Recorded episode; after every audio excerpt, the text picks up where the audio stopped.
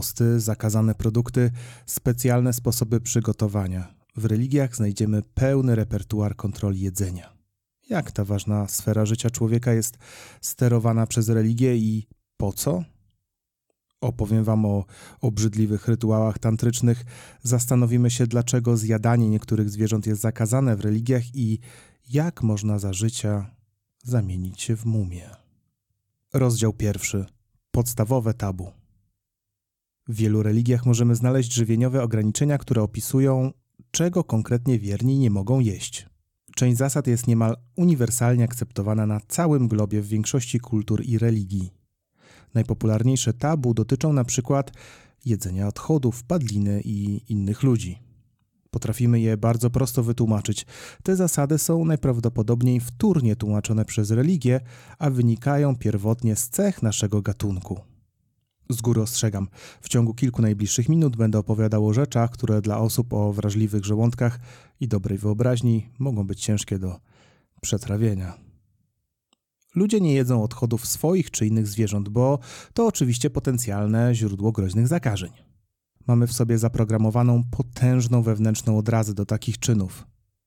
Wiemy z badań ich domów, że już nasi dalecy przodkowie uważali, żeby na przykład załatwiać się z dala od miejsca, w którym jedli. Koprolity, czyli skamieniałe odchody, archeolodzy znajdowali w skupiskach w głębi jaskiń. Religie zazwyczaj nie muszą tego podkreślać, choć znajdziemy tu i ówdzie przypomnienia o higienie. Na przykład Biblia w rozdziale 23 Księgi Powtórzonego Prawa mówi Będziesz miał miejsce poza obozem i tam poza obóz będziesz wychodził.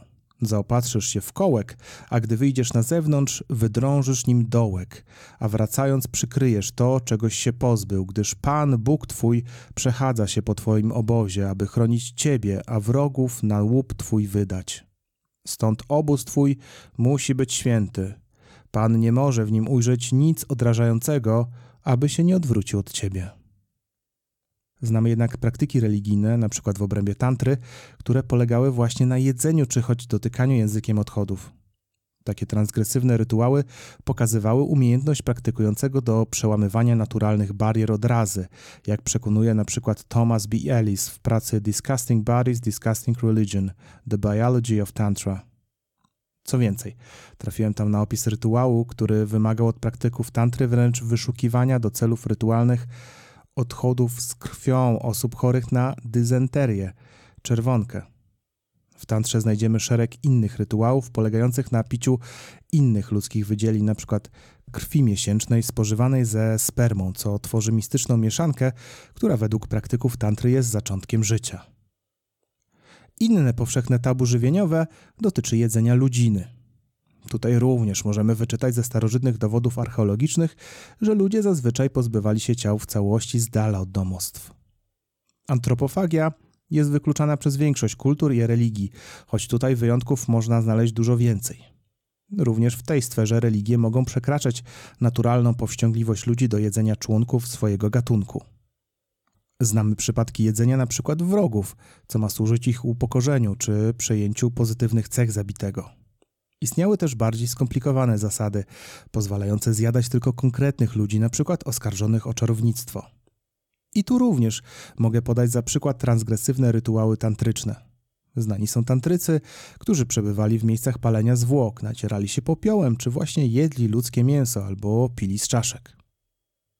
Niektóre religie zapewne w ten sposób tłumaczyły jedzenie ludzi w społecznościach, gdzie bardzo potrzebne do przetrwania białko zwierzęce jest trudno dostępne i nie ma roślinnych możliwości jego suplementacji. Skąd tabu antropofagii? Nie możemy być pewni, ale antropolodzy podejrzewają, że może tu grać rolę splot kilku rzeczy. Naszego rozwiniętego zmysłu społecznego, który wypływa z genetycznego altruizmu dla członków plemienia, czy potencjalnych negatywnych skutków zdrowotnych. Znana jest na przykład choroba kuru, czyli zakażenie się prionami po zjedzeniu ludzi. Notabene pewnie zwróciliście uwagę na to, że mówię o antropofagii, a nie kanibalizmie. Słowo kanibalizm pochodzi bowiem od społeczności Kalinago, znanych inaczej jako Karibowie, czy z hiszpańskiego Caribales. Tak, od nich pochodzi też nazwa Karaiby. Wśród kolonizatorów powstało powieści, że Kalinago jedli ludzi, ale nie jest to dobrze potwierdzone. Czy jednak dopuszczali się antropofagi, czy nie, mówienie o tej niezbyt przyjemnie kojarzącej się czynności i ich nazwą nie jest według mnie w porządku. Wracając do sedna. Trzecim podstawowym tabu jedzeniowym, które wymieniłem, jest tabu jedzenia padliny. Tu również sprawa jest prosta. Padlina może być szkodliwa dla naszego zdrowia, a ludzkie żołądki nie są do jej jedzenia najlepiej dostosowane. Inne zwierzęta mają lepiej zbudowany przewód pokarmowy, bardziej kwasowe żołądki, czy wreszcie lepszy węch do szukania jak najświeższej padliny i ostrzegania przed chorobami. Stąd zapewne po części tabu antropofagi. Jeśli zabijanie się wzajemnie jest niedopuszczalne, to jedyna możliwość skosztowania ludziny istniałaby przez spożycie osoby zmarłej naturalnie, czy przez chorobę albo wypadek, co w konsekwencji czyni z takiego mięsa padlinę. Każdym razie, na wszelki wypadek, religie również przepisują zakaz jedzenia padliny, na przykład Biblia w XIV rozdziale Księgi Powtórzonego Prawa. Rozdział drugi. Ale nie świnie. Chrześcijaństwo jest raczej liberalne w swoim podejściu do jedzenia, ale wiele innych religii ma w swoich dogmatach zakaz jedzenia konkretnych zwierząt, roślin czy ich kombinacji. Zarówno Żydzi, jak i muzułmanie oraz część chrześcijan, np. w etiopskim i erytrejskim kościele ortodoksyjnym, nie jedzą świń. To zakaz pochodzący z Tory, która mówi w Księdze Kapłańskiej w rozdziale 11. Będziecie jedli każde zwierzę czworonożne, które ma rozdzielone kopyta, to jest racice i które przeżuwa. Dalej wers podkreśla, że wieprz jest zakazany, ponieważ ma rozdzielone kopyto, ale nie przeżuwa, więc jest nieczysty. Zakaz ten jest jeszcze raz podany w Księdze Powtórzonego Prawa w rozdziale 14. Wieprz, który ma racicę rozdzieloną, lecz nie przeżuwa, jest nieczysty. Mięsa jego jeść nie będziecie i padliny jego się nie dotkniecie. Muzułmanie prawdopodobnie przyjęli to prawo od Żydów. Ale skąd się ono wzięło? Znów, nie możemy być pewni, ale antropolodzy i religioznawcy mają kilka tropów. Marvin Harris przekonuje, że musimy trzymać się najprostszych odpowiedzi. W swojej książce z 1974 roku pod tytułem Krowy, świnie, wojny i czarownice zagadki kultury, pierwsze polskie wydanie w 1985, mówi: Nauczono nas cenić skomplikowane, uduchowione wyjaśnienia zjawisk kulturowych, bardziej niż prozaiczne, materialne. Twierdzę, że rozwiązanie każdej z zagadek analizowanych w niniejszej książce leży w lepszym zrozumieniu realnych warunków wykażę, iż nawet najbardziej dziwaczne z pozoru wierzenia i praktyki okazują się przy bliższym zbadaniu efektem całkiem zwyczajnych, banalnych, można by nawet rzec wulgarnych warunków potrzeb i działań. Mówię o banalnym czy wulgarnym rozwiązaniu dlatego, że opiera się ono na twardym gruncie i składa się z takich czynników jak bebechy, seks, energia, wiatr, deszcz i inne namacalne, zwykłe zjawiska. Jak więc dokładnie Harris rozszyfrowuje zagadkę tabu jedzenia świń? Twierdzi, że nie opłacało się ich hodować Żydom ze względów ekologiczno-ekonomicznych. Świnie lubią cień, jedzą leśne przysmaki, takie jak grzyby, orzechy czy żołędzie, nie wyżywią się na trawie, potrzebują wreszcie wilgoci, bo same się nie pocą. Te wszystkie ograniczenia nie dotyczą owiec, kus czy bydła. Jest też teoria włośnicy. Włosień kręty, czyli Trichinella spiralis, to pasożytniczy nicień, który może rozwijać się w świniach. Teoria mówi, że szerokości geograficzne, na których powstało tabu jedzenia wieprzowiny, są po prostu naturalnie podatne na dogodny rozwój włosienia, który doskonale radzi sobie w wysokich temperaturach. Stąd zakaz to po prostu przestroga przed zachorowaniem. A co z krowami? One są z kolei niejedzone w Indiach, ale za to jak najbardziej się je hoduje.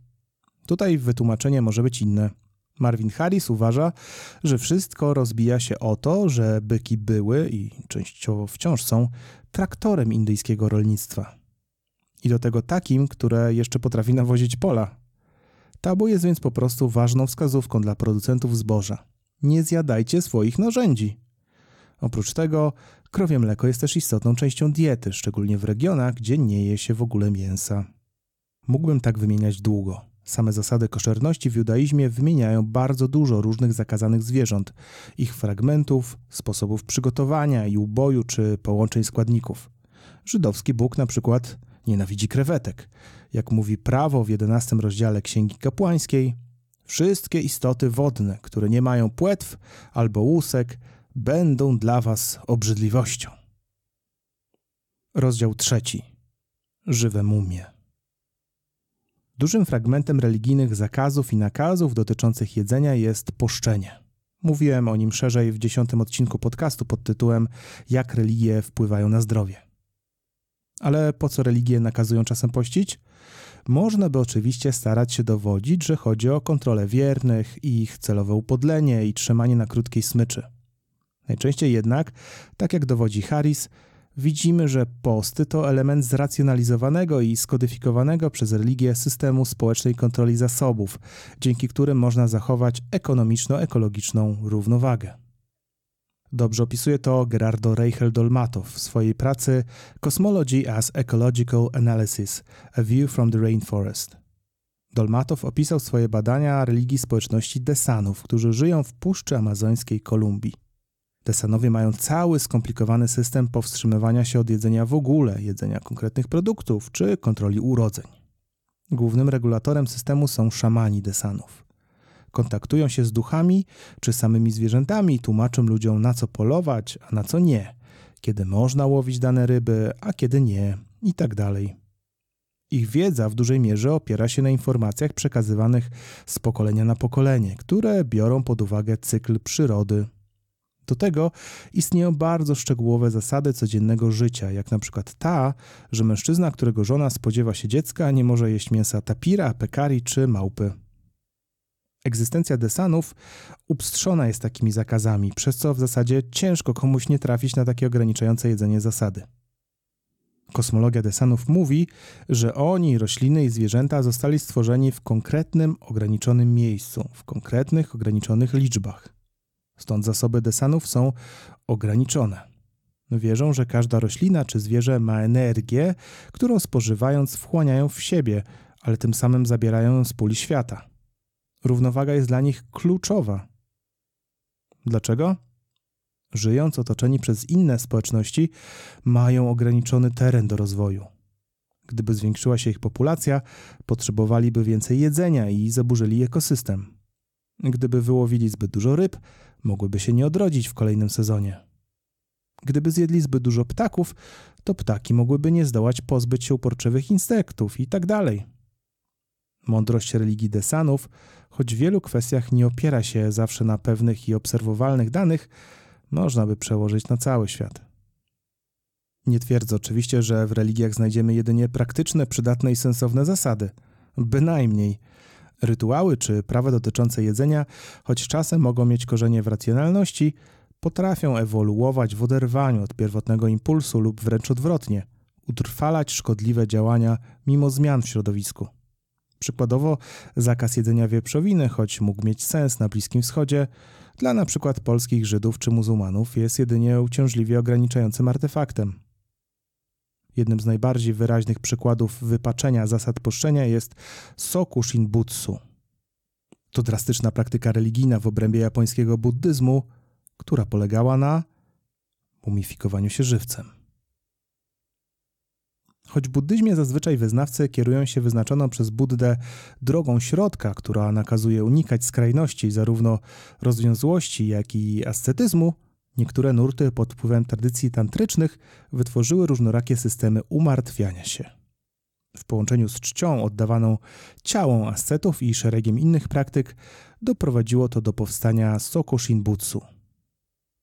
Mnich, który postanawiał zostać mumią, nie był preparowany po śmierci, ani nie wpływała na stan jego ciała pogoda czy warunki przechowywania. Japonia raczej nie słynie z najlepszych warunków do powstawania mumii. Cała procedura polegała na pełnym wyrzeczeń przygotowaniu mnicha do tego, żeby po śmierci ciało samo się mumifikowało. Jak do tego doprowadzano? Mnich przez tysiąc dni, czy często dłużej, żywił się jedynie produktami pochodzącymi z drzew igłami, pączkami, orzechami, korzeniami. Do tego popijali trującą herbatę. Oprócz umartwiania się, doprowadzało to do powolnego wyniszczenia ciała, pozbywania się tłuszczu, wody i masy mięśniowej oraz naturalnej flory bakteryjnej człowieka. Ciało po śmierci musiało mieć jak najmniej możliwości gnicia. Na koniec mnisi siadali w zamkniętych kryptach z rurką na powietrze, gdzie medytowali bez jedzenia do końca swoich dni, okazjonalnie dzwoniąc w dzwoneczek. Gdy przestawali dzwonić, wyjmowano rurkę i zamykano szczelnie grób, który otwierano po tysiącu dniach. Jeśli ciało zachowało się w dobrym stanie, mnich był wyjmowany i czczony. Po co to? Wierzono, że praktyka Sokushinbutsu nie doprowadza do śmierci, a osiągnięcia samadhi, pełnego zanurzenia w medytację w oczekiwaniu na przyjście kolejnego Buddy Maitreyi. Nowych Sokushinbutsu już nie ma. Praktyka została zakazana w XIX wieku. Ale dawnymi mumiami wciąż opiekują się mnisi, którzy na przykład zmieniają im szaty co jakiś czas. Stare tnie się na kawałki i sprzedaje jako amulety po tysiąc jenów za sztukę. Podobno działają cuda. Ten odcinek podcastu to część tygodnia sekt na kanale i fanpage'u Lekcja Religii.pl. Tydzień Sekt sponsoruje Stowarzyszenie Nowe Horyzonty, dystrybutor filmu Club Zero, który można już zobaczyć w polskich kinach. Club Zero opowiada historię dzieciaków z prywatnej szkoły, których życie zmieniają lekcje uważnego odżywiania. Dzięki za uwagę. To była lekcja religii.pl. Nie zapomnij subskrybować mojego podcastu. Jeśli Ci się podobało, to pamiętaj, że możesz wesprzeć mnie na patronite.pl lekcja religii.pl